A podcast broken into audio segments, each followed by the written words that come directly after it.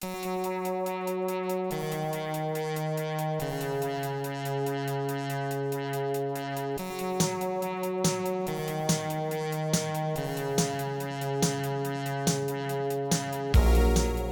to First Draft with me, Sarah Enni.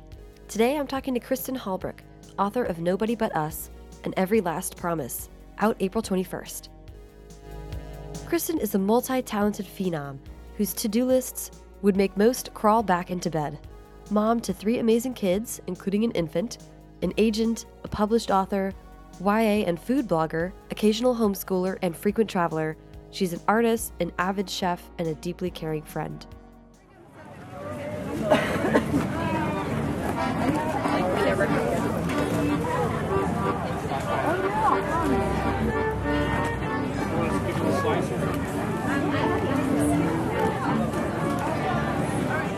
One of the most delicious ways Kristin shows her love is by cooking incredible meals for her friends.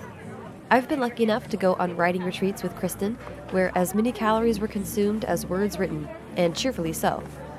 So when it was time to interview her, I asked if Kristin wouldn't mind trying something new and different, chatting with me while whipping up a meal, the kind of kitchen counter discussions that are oh so familiar to those of us blessed to have gourmet cooks in our lives. So sit back, grab a plate, and let Kristin's words of wisdom work up your appetite.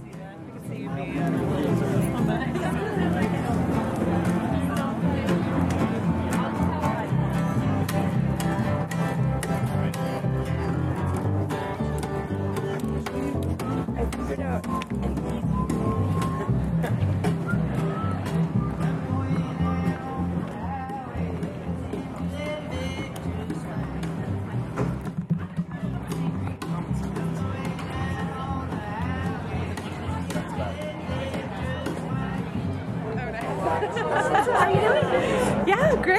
great, great. Um, Do you want to tell us, like, describe where we are?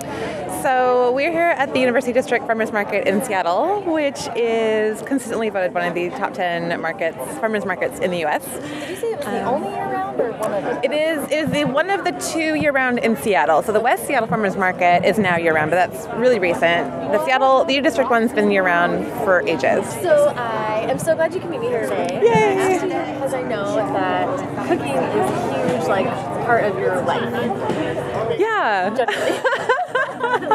I like food. I do. and like, I think. Well, okay. Let's talk about what you're going to be searching for today, and then Okay. then I'll, while we talk, I'll, I'll ask you or walk. I'll talk to you about um, cooking. But what are what is the recipe that you have in mind? So we're gonna have some Korean food for lunch today, and I have some short ribs marinating at home, and so we're gonna be looking for some stuff to go with the short ribs. Um, and I want to do um, like a just a simple garlic and soy sautéed greens. So if we can have some pak choy or some bok choy or something like that to go on the side, and then I want to do some quick pickles.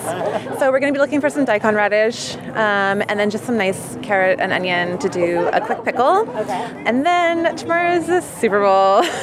I think I need some cheese for my cheese platter. Um, and Washington has some great small cheesemakers, so we'll look for some cheese. Oh, and also um, there's a really cool cider place, so we'll grab some cider to go with lunch too. Oh my gosh, okay, I'll do that. um, awesome. Okay, so, So hopefully we'll find all of those things. And usually I kind of veer off and go, ooh, that looks yummy too. I have room in my bag. make adjustments as we go. and then you've got like free beer samples. And you're like, oh, hey. I know, I know. That's. Oh, really quick. Um, I, I actually want to get a thing of kimchi. Um, because that's delicious and not something that I've had time to put together. Yeah, pickled. So I'm guessing that's sort of a standard kimchi. This has got black sesame seeds in it, so that looks pretty good. Hi, we have samples you'd like to try? Yeah, yeah, actually. Can I try? These are both Napa kimchis. Yep, we have a vegan variety. And Oh, the with vegan. shrimp. When the shrimp is right across the street here, you can tell. Haha. Right. That's our most popular product that we sell in our. Mm, okay. Oh, that's good.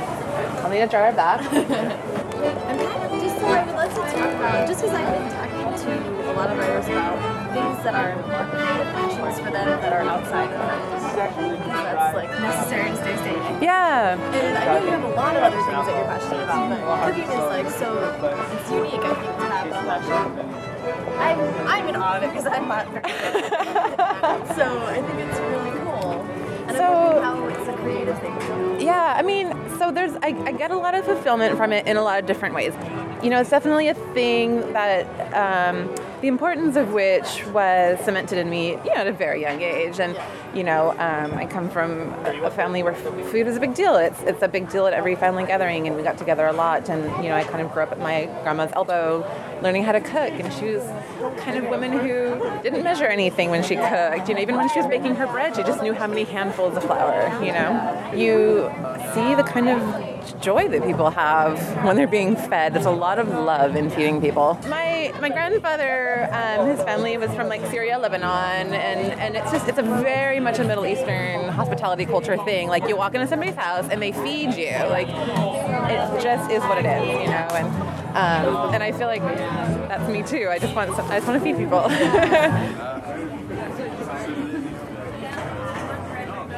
is it's a release to get into the kitchen. Um, you know, from sort of like the, you know, the high emotional demands of, of writing. Um, and, and working in the kitchen absolutely is an emotional release. Like just, just standing at the counter and kneading bread for 20 minutes is this, is this very meditative kind of thing.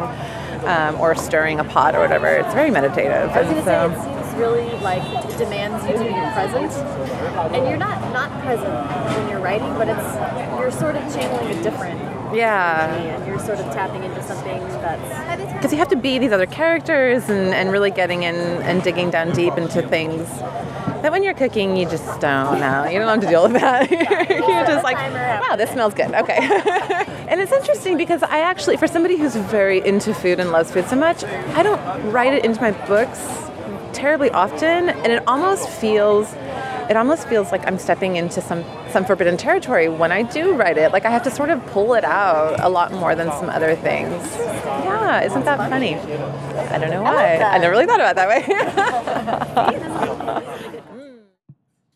All right, so we are relocated in Kristin's kitchen. Yay, Yay, it is. It's wonderful. So what what stage are you at? Where are we going with this? Yeah, so um, so right now we're gonna put together like a quick pickle.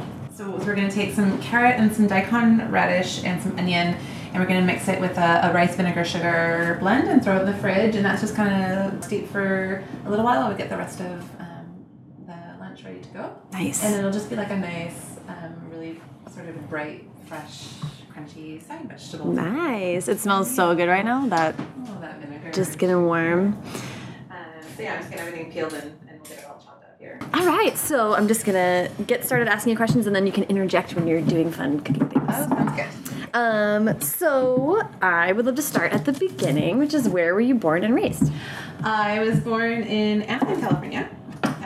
I watched the Disneyland fireworks from my backyard as I was growing up. That's so cool. Um, and I still do actually believe it's the happiest place on earth. Um, I have my measles vaccine. So Right? Go. yeah, good for you.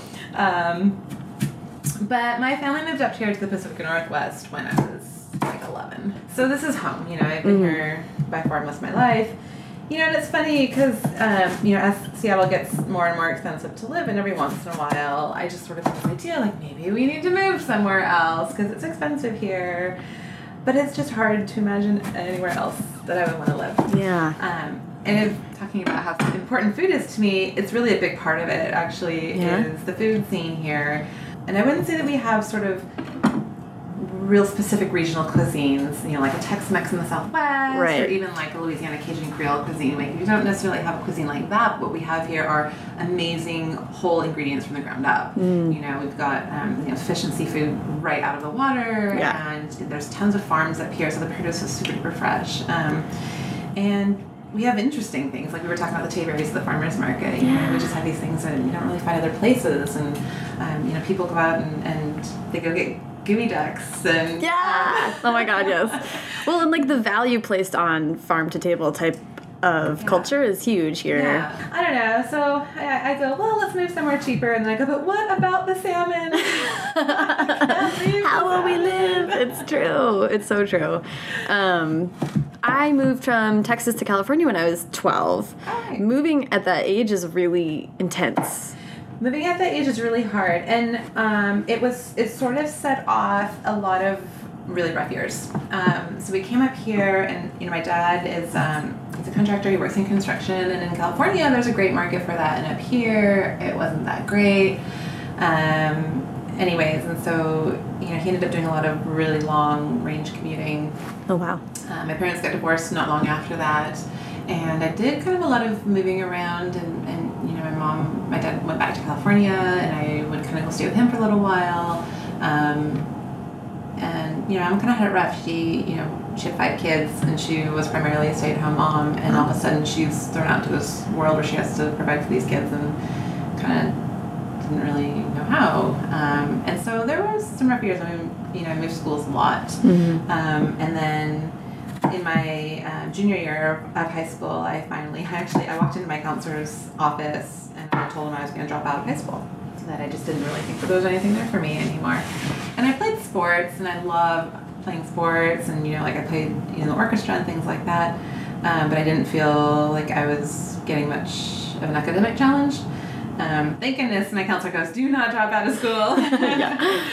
um, he actually set me up into the Running Start program, so I ended up starting college That's my junior year of high school. So That's right. yeah, yeah. Which is really cool that that was there for you. It it was totally a lifesaver for a lot of reasons. You know, part of it was the academic challenge, but also there's a lot of and it, and it was a hard. That first quarter was a really tough transition because you're going from a world in which everything's sort of done for you and taken care of for you, and there's a lot of structure to no structure at all. Yeah. Um, yeah, so the, the first quarter was kind of rough as I was feeling my way and trying to figure out, but it was amazing to be like, I just want to take these classes and I don't have to take these other classes. Yeah. And I really, really enjoyed that. Yeah. Um, and it totally renewed my love of learning, for, but, you know, for sure. Yeah. That's amazing. So what were you what what were you looking forward to studying more when you jumped in? What were the classes that you chose to take? Um, so I immediately took I took some lit classes. Um, I took a photography class, which was super fun. I took I started taking women's studies classes, and that's when I really started loving like critical theory and social theory. When in all of this were did you start writing? Always writing. I isn't that always the answer? not always, Not always. you know, when I was in elementary school, I entered poetry contests, and when I was when I was in high school, I was part of Key Club, which is like a community service club, and at their annual convention, I won like second place in their essay contest. you That's know, cool. and, um, I was writing um, dragon fantasy fan fiction. That's amazing. Was writing at any point a coping mechanism when you were moving and changing schools and all that stuff? Um, no, not really. Later in life, definitely, actually, it, it became a coping thing. But at that point, it wasn't. And and I think you know at that point, athletics was a big coping thing Really? for sure. Yeah. Really? Yeah. How how do you mean? Um, because it it got me away. It got me out of the house, Hmm. um, and um, I think there's a you know there's a very positive aspect to being part of a team and having people who you know rely on you in certain ways and you rely on them them in certain ways. And you know there's, there's a lot of issues with sort of our, our current sports culture but I still think that being part of athletics was a really really positive thing and even even like the actual physical aspect of just getting out and exercising Yeah. of course Yeah. super super helpful um, and it was something that I was very talented at and so it, it felt good to be practicing something that I was good at Yeah, to excel. yeah yeah for sure That's a huge coping mechanism. Finding something that you're good at and doing it, yeah, is huge. What kind of what were you playing? So I, I I played softball. Um, that was kind of always my primary thing. And when I was young, I was planning on going to the Olympics. That's amazing. yeah, so I played softball. Um, I actually I played tennis. Um, I did play some soccer, and then you know I played football in the street with the boys and got bloody knees. And Yes. I have I have um, I have six brothers. Even at home, you know, if if I was fighting with brothers or whatever, you could still go out and play sports together and like So basically, writing was always like fantasy. It was kind of out there stuff right from the beginning, or So um, from the beginning, yeah, it was, or it was it was you know essays and, and nonfiction and things like that. Um, the first time I called myself a writer, so my very first paid gig, oh, was food related. yay! That's so cool. It was an essay about a blueberry farm um, actually down in Puyallup, so Tacoma area. Yeah. Um, and it was just about picking blueberries. So it's it's a farm that you can go just go down and pick the blueberries every year. And the the farm owner he broadcasts classical music as you're picking. Wow. Um, and it was just an essay talking about sort of the loss of the small family farm and how you know I used to drive down that road and there would be so many more farms on either side of the road and now there's subdivisions Yeah. um, and this blueberry farm's kind of holding out and it's great like the blueberry the bushes have been there for decades um, and so that was the very first thing I actually got published in a magazine Wow. and that was the first check I got for writing and I was like hey I'm a writer That's awesome. When was that? that was in my early 20s. I'm trying Okay. what year it was. While you're in school or?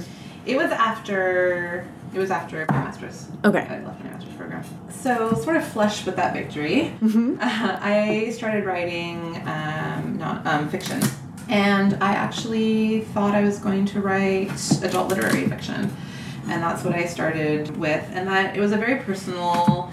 At the time, I was living in the suburbs, and I was quite unhappy.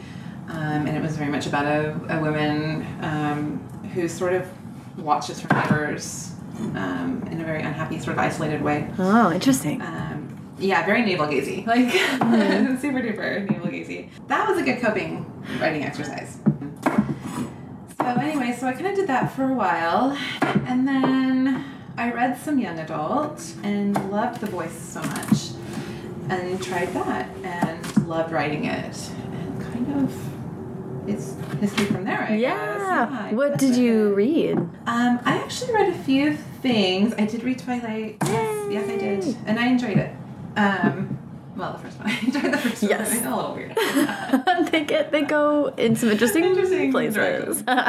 um, but um, one of the first YA contemporaries actually that I read was Ballad of Suburbia by my friend Stephanie Beard. yeah. Oh my gosh, that's awesome. Um, and it was just a great book to sort of um, read and realize that YA wasn't, you know, it was it was also fantasy and paranormal things like that, but it was also these really gritty, raw stories, Yeah. and I really um, connected to that a lot Yeah. Well, that makes sense because because it's pretty much what I write now. yeah. Um, so I don't want to skip over too much. I do want to just really quick ask about the master, like what you were studying in school and what you, what directions you were kind of going in at that time. So, um, so I did my undergrad at the um, the public Ivy University of Washington. Yay! Love it. So I did my undergrad there, and my majors were English Lit and Women's Studies. Mm-hmm. And um, I decided to go into the master's program in education and doing secondary education. Uh-huh. So I'd be teaching middle school and high school. Mm-hmm. I, I loved the program, and, and kind of one of the reasons I went into it is because one of my favorite professors was moving into that program, and, and he was really, um, you know, just inspirational for me. Mm-hmm. So I'm in this program, and there are things I love about education and teaching, and then there are things I couldn't get past. And um, you know, in the end, it was kind of the stuff I couldn't get past that, that threw me off the most. I had actually just decided that I was going to switch into into the geography program Geography. Oh wow. geography, which is not the study of math. I know what you're thinking. You're like, wait a minute, you're gonna go study mountains. Like, Right. Geography, like social geography, is about um, populations and yeah, and, and it combines a lot of things that's really fascinating for me, like um, you know, racism and classism and sexism and finances and policy and things like that. And it really brings them together and it talks about why certain populations are affected in the ways that they are and what are solutions. And so for me, I, I, I really wanted to study women in poverty. Um, so social geography would have been a, a great place. And UW has a fantastic geography program. That's so cool. Yeah, um, and so I was gonna switch and, and stay in academia my whole life. Mhm. Um, and then I found out I was pregnant. Yeah. Um, and that, that favorite professor of mine that I was telling you about, I went into his office in tears and was like, oh my god, I don't know what to do. Mhm. Um, and he just kind of laughed at me. and he's like, your life's not over, it's just different. Um, it's just a different direction. Mhm. And it was a really profound thing in the moment, you know, Yeah. for him to say. And I actually told him, I was like, you know, and he basically said, well, what, what do you want to do with your life? What are you going to do? I know you've been sort of ambivalent about the education program for a while. And I said, I think I want to write. He's like, then do it. You know, you just you just gotta decide to do it. That's all. He's like, you can talk about it all you want, whatever. You know, action is where it's at. So he's like, go write. So I did. So I left. I left the master's program. Wow. And of That's know, became a mom, and it was important to me. You know, Yeah. a really good job being a mom. So I, I did that. Um, I wrote. I worked part time for the um, Square Fit Nutrition program, which is a program where you go into uh, low income elementary middle schools and um, basically teach kids about food and cooking. And it was great and it was interesting. Some of the, the things that, as a program, we learned. You know, for example, you know, here in King County and Pierce County, a lot of your Title I schools, so that's where the funding comes from, federal Title I program. Um, a lot of them are have, have high population, immigrant populations. But what you learn going to these schools is that a lot of first generation immigrant families, especially, they know how to cook and they know how to cook on a very, very tight budget. So, mm-hmm. what are we going in there and teaching them? Not a whole lot. We actually have a lot to learn from them. Other times we would go in and we would teach kids, you know, who grew up in a city and never seen a garden. We would plant these teeny tiny little lettuce seeds and they would watch it grow and they'd be astounded at the idea that this massive head of lettuce comes from this tiny little seed. So, mm-hmm. So that was really cool. So yeah, so I mean, it, it combined a lot of things I was interested in, which you know, food and, and teaching, and then again, you know, like policy and um, you know, how, how are we serving people? How can we better serve people? Yeah. Um, what do people already know that we don't think that they do know? you Right. know? So That's so interesting. yeah, so I did that and had another little pixie and Yay. so this is, and you were writing, and that's when you were starting to write the adult literary, and then Yeah, transition. I was I was writing the adult literary, um, and yeah, transitioning at that time, and it was literally that kind of thing where I wrote from 9 p.m. to 2 a.m. and then I got up at eight and worked Oh my God. whatever and took care of the kids, yeah. And work and all that kind of stuff, and just you fit it in when you can. Mm-hmm. It wasn't too long after that I started querying, and thank goodness those books were not picked up. Terrible. Yeah, yeah. Querying the actual the adult novel, I or never did. No, Okay. I never finished that one. Okay. Um, I think it got even too navel gazing for me. like, oh god, I can't handle myself anymore. Move on. I queried a young adult, Mm-hmm. and then I queried a middle grade, and then and then I queried what is now Nobody But Us. so that was the third book you finished. Oh no, wait, I lied. I queried um, I queried Lovely Drowning, which later got published as Surfacing. Okay. So that was actually the one that I got my agent with. so what? Do you mind filling us in? What are you doing with the rice right now? So I'm just cooking up some. Um, this is uh, Calrose rice, which is sort of like a a, a fairly short grain rice. It will be mildly sticky rice to go with our Korean short ribs. Nice. Which are being prepared by the sous chef. Yes, yes. My, my lovely husband's out there getting our mesquite ready on on our grill. Um, we are snobs. We do like the hardwood chunks of mesquite. mm, lovely smoky wood flavors. Mm, that's the best. um, okay, so let's talk about Nobody But Us. Yeah. Okay. I would love to hear just about like the genesis of that story. When did that kind of come about? So, um, I have a, a, a dear friend I've been friends with for a very long time. And she, in addition to being the mom of four wonderful children and homeschooling them and everything like that, she does um, photography. And she has a thing where she does free senior portraits for foster kids. And I love this idea. And for whatever reason, it just sort of got me thinking about foster kids a lot and, and just sort of you know, the very unique challenges that they go through. And, um, you know, Will, the, the main male character in the story, was the first character to come to me. And, and the idea, I, I just wanted to explore what happens to kids who are thrown out into the world and they're not really well prepared for the world. And so that's what I wanted to explore with Will's character. Yeah. Um, so you have this this guy who, um, you know, he's basically been home to home to home, and some of them have been great, and some of them have been really abusive, and he's just sort of dealing with a lot of the, the PTSD that comes from all of that, and um, and he's turning 18, and he's aging out of the foster care system, and he's got to figure out what the hell to do with his his life. Yeah. And then there's this girl Zoe who's also in a really bad situation, and she's really, really, really smart, but really, really sheltered. And they meet, and they just sort of cling to each other. You know, they're they're just they're um, they find things in one another that they admire, but also that they feel like they really need. Um, and they got to get out of where they are. And, and and Will Will wants to do. He wants to be the White Knight. He wants to come in and do like this great thing that he's never been done, done his whole life, and he wants to rescue Zoe from this terrible situation that she's in. So they take off. Um, How did you think of of that? I mean, it, it turns into like a road trip and this kind of epic journey. Was that always? How did that kind of storyline come about? because when when when you're that age and and you're in a situation where you feel like the only way to get out of it is to run from it, then run. Um, and for them, they didn't have anywhere to run.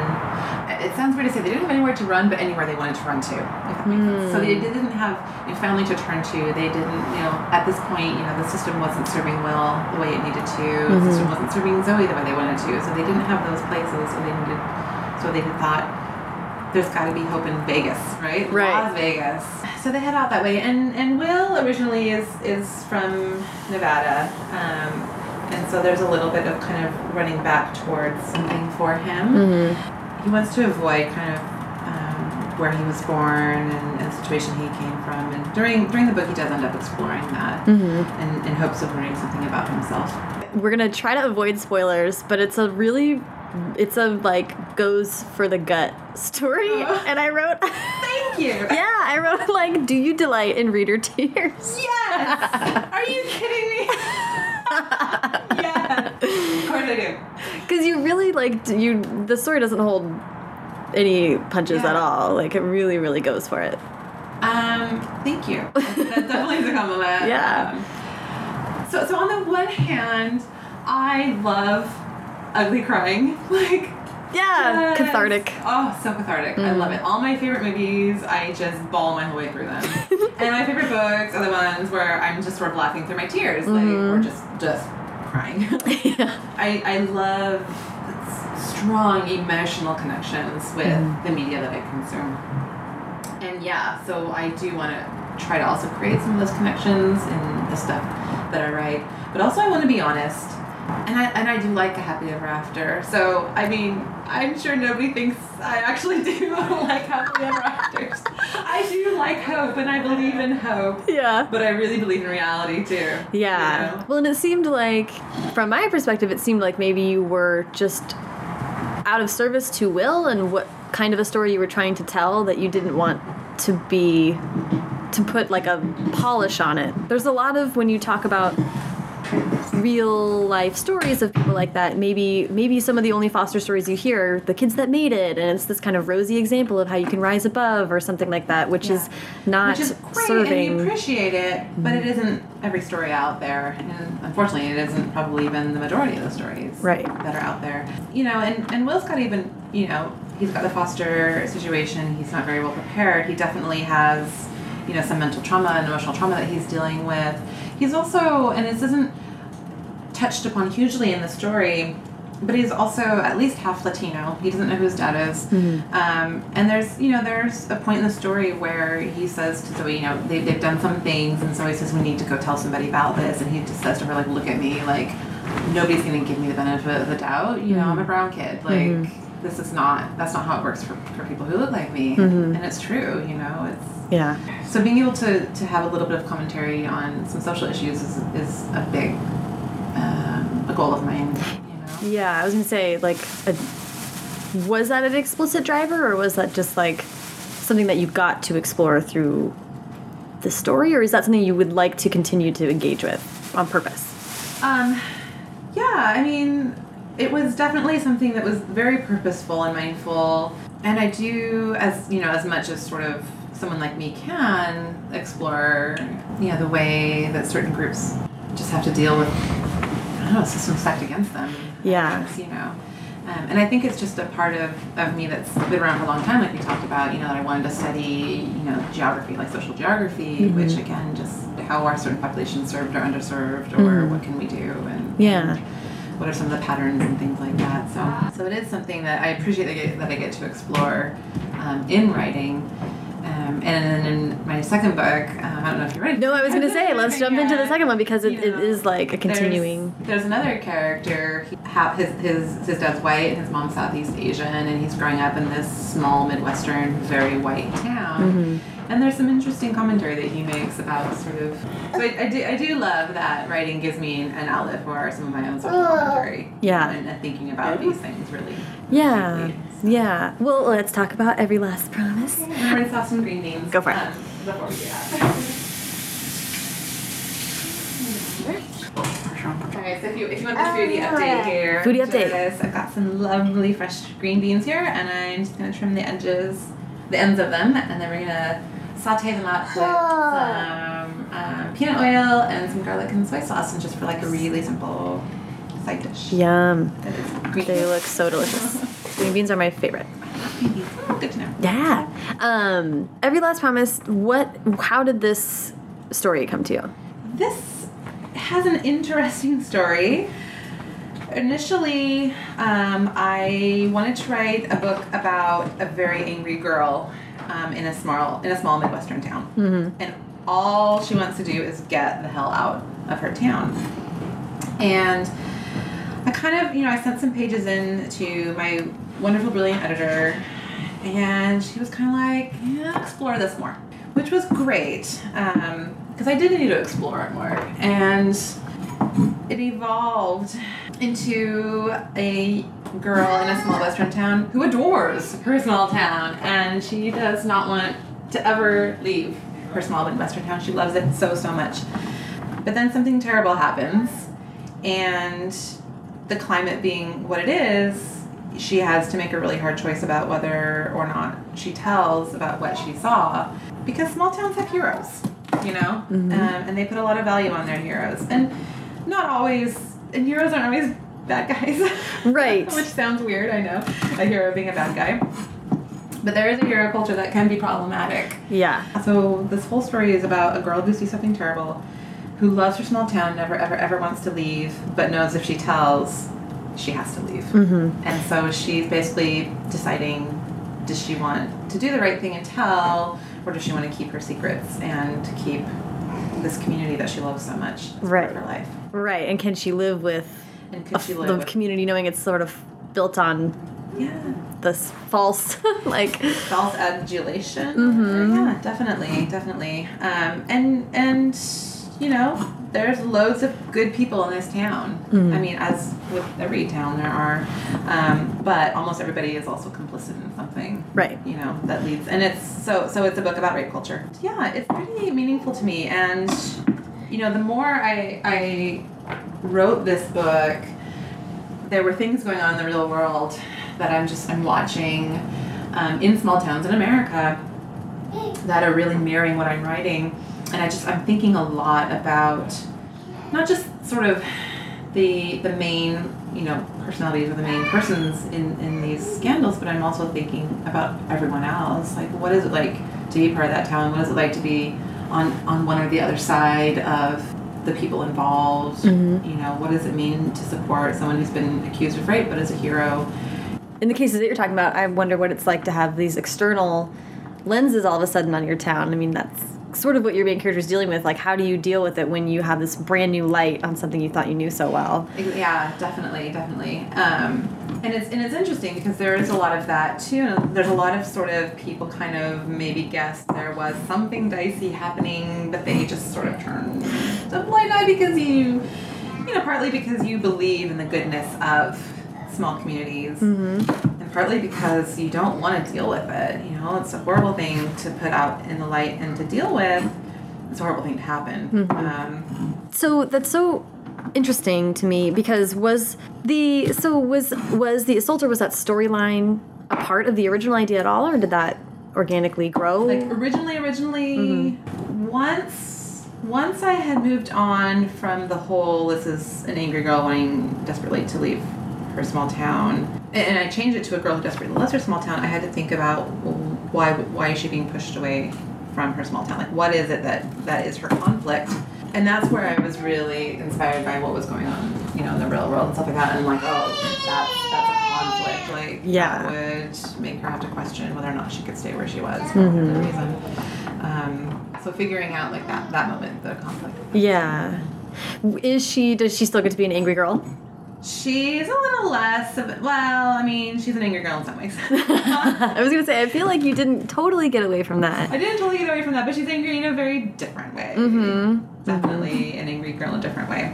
Because I like the idea of just saying I want to write about an angry girl because that is so interesting. I, you know, I gotta tell you, I do have lots of book ideas that are just like, angry girl does something. I don't actually know what. I just want to write angry girl. well, I only want to read Angry Girls, so that's amazing. I want to talk more, maybe more broadly about the fact that these two books are you dealing with really intense and not like all that happy Yeah. subjects. So, what what is it like to have two projects in a row where you're in this headspace that's a little bit dark? To be honest, it's good. Um, it's good because I'm, I think about this stuff all the time, anyways, and it's it's writing these books does help me think through some of these things a little bit more, and ultimately I gain a, a greater sense of empathy for a lot of different viewpoints, especially ones that I feel like I would have never otherwise had empathy for. Yeah. Um, so one of the things that's interesting about having daughters is being a woman. um, so I was a very angry young woman. Yeah. and then I sort of mellowed out a little bit. And now I have daughters, and my eldest daughter is quickly coming up to her teenage years, and I'm really angry again. I'm angry again for the things that I know that she has to go through. And so I'm thinking a lot about, I mean, I'm thinking about these things a lot again. Yeah. Um, and so writing about it is, is a really good way for me to help um, yeah, process, you know, the things that are happening and um, Channel the feelings, kind of. definitely channel channel a lot of my own sort of um, commentary on it or, or even my questions because a lot of things don't have easy answers and um, that the fact that you are about to have young adults Yeah. and their daughters and you're writing these sort of really intense female young adult stories i mean there has to be like tons of interplay there There is. There's a lot, and um, it, it's great. My, you know, my my kids and I are very close, and it's super fun. Like my daughter's eldest daughter's at the age where she's reading young adult novels. I did actually just let her read Nobody But Us Not Too Long ago. Really? Oh my yeah, gosh. Yeah, and she's like, Mom, this is so sad. Why? Why? Sorry. i guess this is maybe a weird thing to ask but with having daughters and writing these stories i'm curious about to what extent and I don't want to talk about writing as like sometimes this mystical thing because we are choosing our stories on purpose and engaging with things on purpose. But I'm just curious about to what extent your purpose has changed to write things like for your daughters or for daughters Oh, as opposed to maybe just what you would write otherwise. I don't know. it hasn't. Um, I mean, if I if I wanted to write something for my daughter, it would be like anime influenced fantasy because Right. we're really into that right now. Um, it's definitely more a matter of you know since she's hitting this age and I have so much fear for her for things that she could experience that either I experienced or that other teenage girls I know experience um, that those fears bring me into that place where I need to like exercise that Yeah. in, in my writing. Yeah. Um, So kind of kind of fuels you more than like directs yeah. you. Yeah, yeah, I would say that. Um, and and you know, I definitely, you know, started writing these sort of um, hard-hitting stories about teenagers before my daughter was, you know, at that age. Yeah. So there are definitely things, you know, sort of a, a, a period of heavy emotion but it really stuck with me. And, Yeah.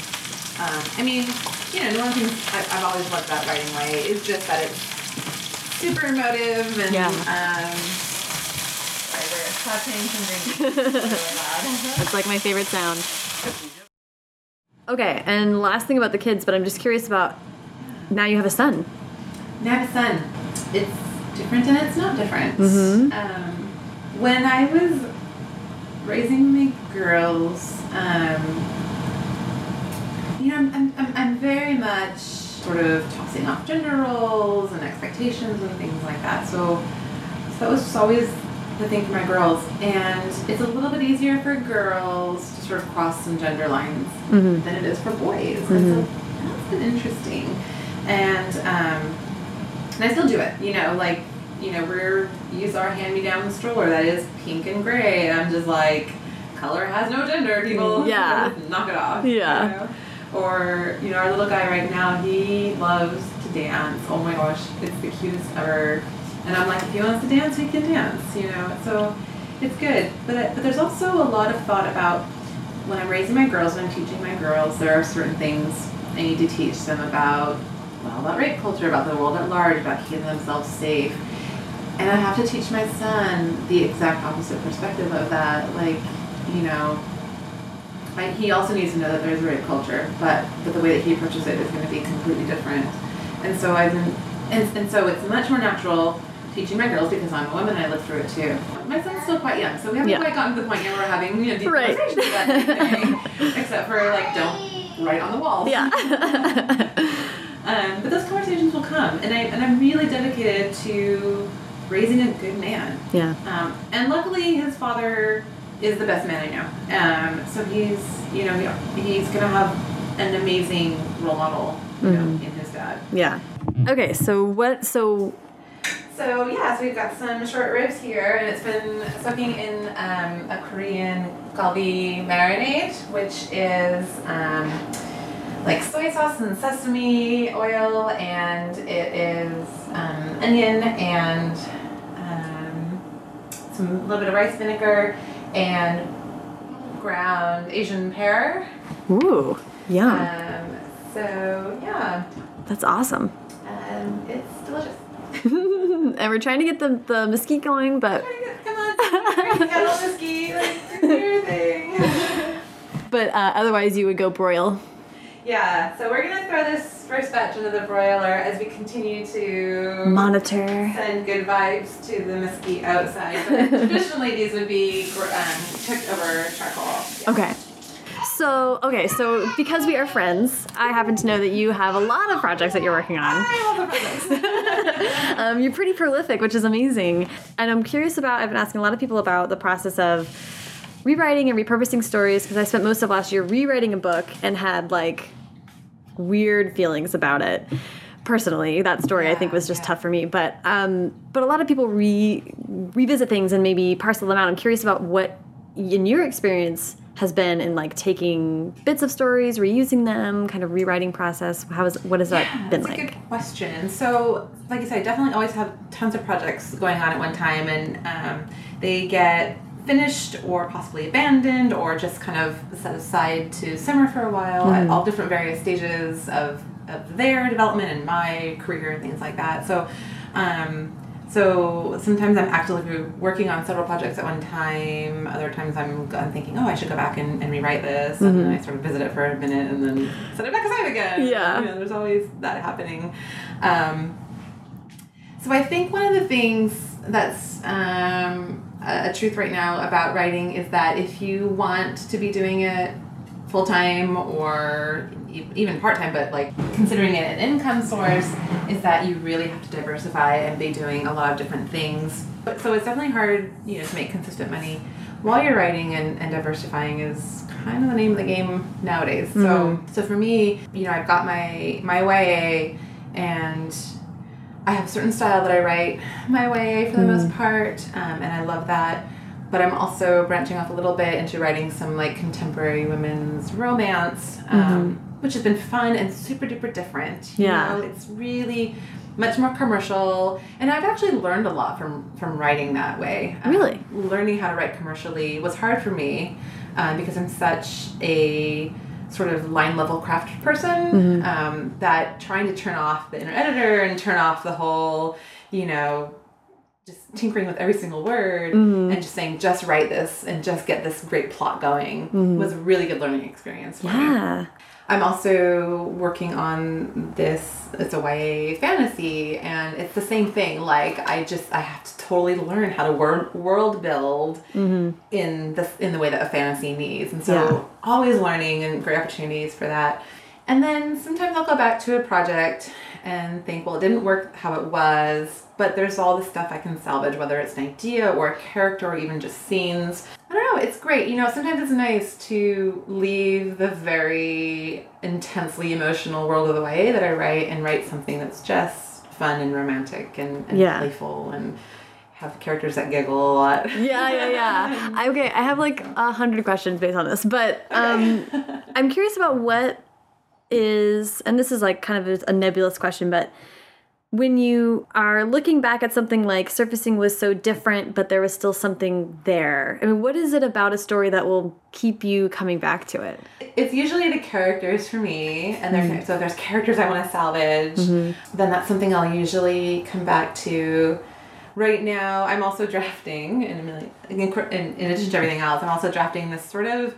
I don't know if it's going to end up being adult lit fic or sort of upmarket, like women's upmarket, or if it's going to end up being sort of YA crossover in the vein of like Ava Lavender, um, but it's magical realism and and just these characters. Like I cannot leave these characters. I'm just, I'm so in love with them. So characters is definitely something. There's another project that eventually I'll get to, and it's a YA one, and it's actually this character sort it's sort of a descent into madness. But again, it's like just I know it's like interesting character. I've got to like develop out these characters. So. So I guess it's it's just wanting to explore people all these weird facets of people Yeah. over and over again. All the different ways you can torment them. Yeah. well, so I'm interested in um, when you have ideas. I love that you're bouncing around age ranges, and I am currently fielding a lot of ideas where I'm like, just the other day, I've had this short story idea for like a year, and then just the other day, I was like, oh, I think it's actually like a middle grade. Like, I actually think it's gonna be this age, and I didn't expect it. I'm curious about when you're looking at the story and the characters, what makes it go one way or the other for you as far as age range or how you want to write those projects? Hmm. What makes you decide to go up instead of sticking with YA? I think the easy answer for going up is like this story needs more sexy time. yeah. So Yeah. that is definitely a, a big part of it. Um, and a draw to it that you don't have to shy away from stuff like that is yeah, nice. yeah. And it also comes down to sort of developmental stages. Mm-hmm. So what are what are the big things happening for certain um, stages in in people's lives, Mm-hmm. and then how am I writing to those developmental stages? And you know, I, I do I do love YA because it's so much about discovering the bigger world around you and like where your place in it is. Mm-hmm. And then you go up to like new adult, and you're still like you've you've kind of figured out the bigger world a little bit more, but you still are like like grasping for your place. So yeah, it's just interesting to explore these different things. Yeah. Um, Do ideas ever like pop into your head as like, oh, that's middle grade or something? Or I'd say most of them pop into my head completely like like age group that they need to be in because I guess with the idea comes the central conflict of the character and so I'm like okay well what is the conflict of you know this character is dealing with and then I can place it in whatever age group it belongs in yeah, yeah, as needed. yeah, as needed. And then, of course, if my character comes with a really hot romantic interest, obviously, it's probably not middle grade. yeah, definitely. Um, I I love that, and it, well, it's actually been so interesting to talk to people who tackle multiple age groups because of, there's a sort of a subset of middle grade writers who have told me that they feel such immense, immense relief to not have to write romance Yeah. and um and i kind of i love hearing that from people and i love that perspective because i think we have friends and i personally feel like if i'm not writing a love story then i sort of lose some interest level. Like that really is a driver for me as as finding out character and and i get interested in the interaction in that way. But some people are like so happy to move away from that which is so interesting. In in every last promise, um, the romance is really subtle if it's there at all, um, and it, there's a lot more focus on the friendships and of course you know the, the town, the community um, interacting with one another. And there's I also put a lot of familial interaction in there, so like the parents play a big role, and I really really wanted some parents in there that were complex because I think that they get sh- like the shaft a little bit in YA. Um, so yeah, so there wasn't a, a ton of romance in that one, which was kind. It is kind of nice. I think romance can be exhausting to write sometimes. yeah Yeah. and You really really- challenging And- sometimes. yeah, definitely, definitely. And and you have to love your characters for them to love each other. And if Mm-hmm. you're just sort of if you don't know your characters well enough yet, or you're just sort of on the fence about whether or not they're amazing, like, Right. How do you forcing it. Yeah, you're, Yeah. you're kind of pushing it a little bit. But I think that you know you're drawing from a well that you also want to be very full for your real life interactions. You know. Yeah, that's Um, an interesting way to put it. Yeah. Yeah. So As a reader, do you find that romance is something that you value in all of the books, that, or, or are you perfectly happy reading a friendship story? Um, I could totally go either way, and and I actually love friendship stories. I think when they're done well, they're amazing, and it's like the Bechdel test for like why YA. Like I want these, especially if it's you know if a female driven story. Like I want these great female friendships and stuff. Yeah. too. A great romance though kills me. So I mean, you know, my two favorite YA books have these incredible heartbreaking romances. What are But, well, so my favorite book is Meg Rosoff's, How I Live Now. And oh my god, like a you know, sob, sob, sob. Yes. And, and you know, the romance the entire time is, is this girl trying to get back to these people that she loves, including the boy she loves. And, Yeah. oh. And then, you know, Melina Marchetta is Jellicoe Road, and if he doesn't love Jonah, you know, he's just like, oh. Epic. Epic. Yeah. So I do love these big, big, drawn out, long, epic romances. Mm. Um, and I like them when they're intense and very deep and emotional and, Mm-hmm. and not perfect. And when they have an edge of not sweetness to them. And I don't mean that to say, I, I'm actually not a bad boy fan. Like, so I don't want that. But when there is definitely an edge of, of rawness or sorrow, or characters have to connect on an emotional level that's more than just, you know, hotness or mm-hmm. happiness and sunshine and smiles all the time. Like, Yeah. It sort of brings in more of the elements of once you're in, once the flush newness of a relationship wears away, there's both people are going to have issues that need to be dealt with. And and when two people come together, like through the grittiness, that feels very realistic to me. Yeah. Okay, and last thing uh, is writing advice. Because all you need for writing is a, a pen and paper and a brain. You know, it's something that everybody thinks they, they can or should do. And if you want to write, if you want to write for yourself, everybody can and should write. Like, absolutely do it. Publishing's a different thing. It's it's not it's not just writing. You know, I think publishing requires like an apprenticeship. You know, Yeah. Um, you're gonna need years of practice and. You know, there's the sort of 10,000, was it 10,000 words? 10,000 hours. Oh, 10,000 hours Yeah. advice out there. I don't think it takes that long. It's a lot of hours.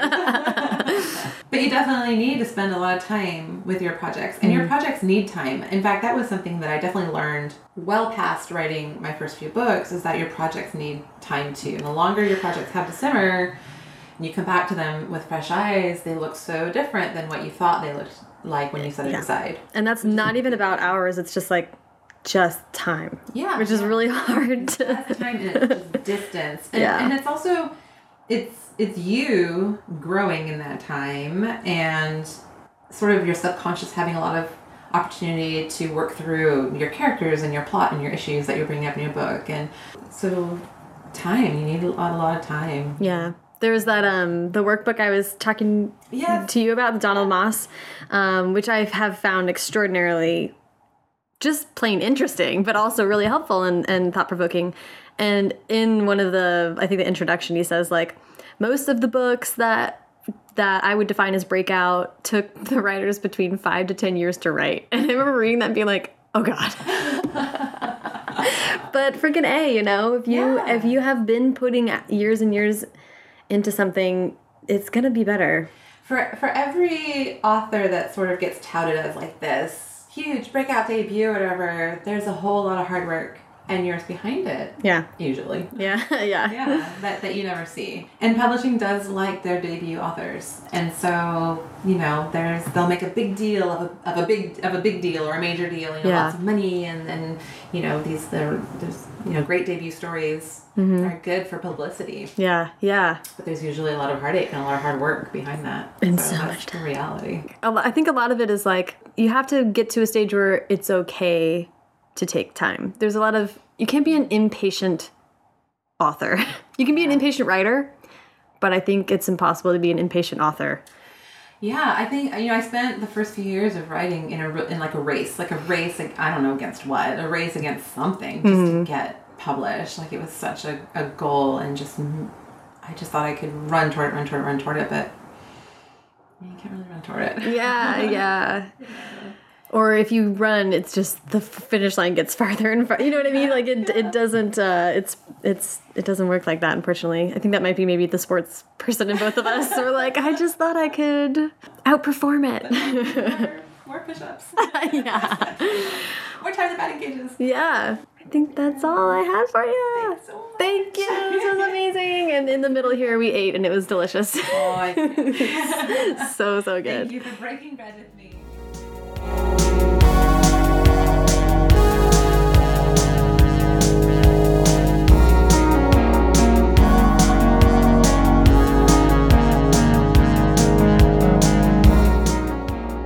So much to Kristin. Follow her on Twitter at Kristin Halbrook and follow the show at First Draft Pod and me at Sarah Enni. You can also follow the show on Instagram and Facebook.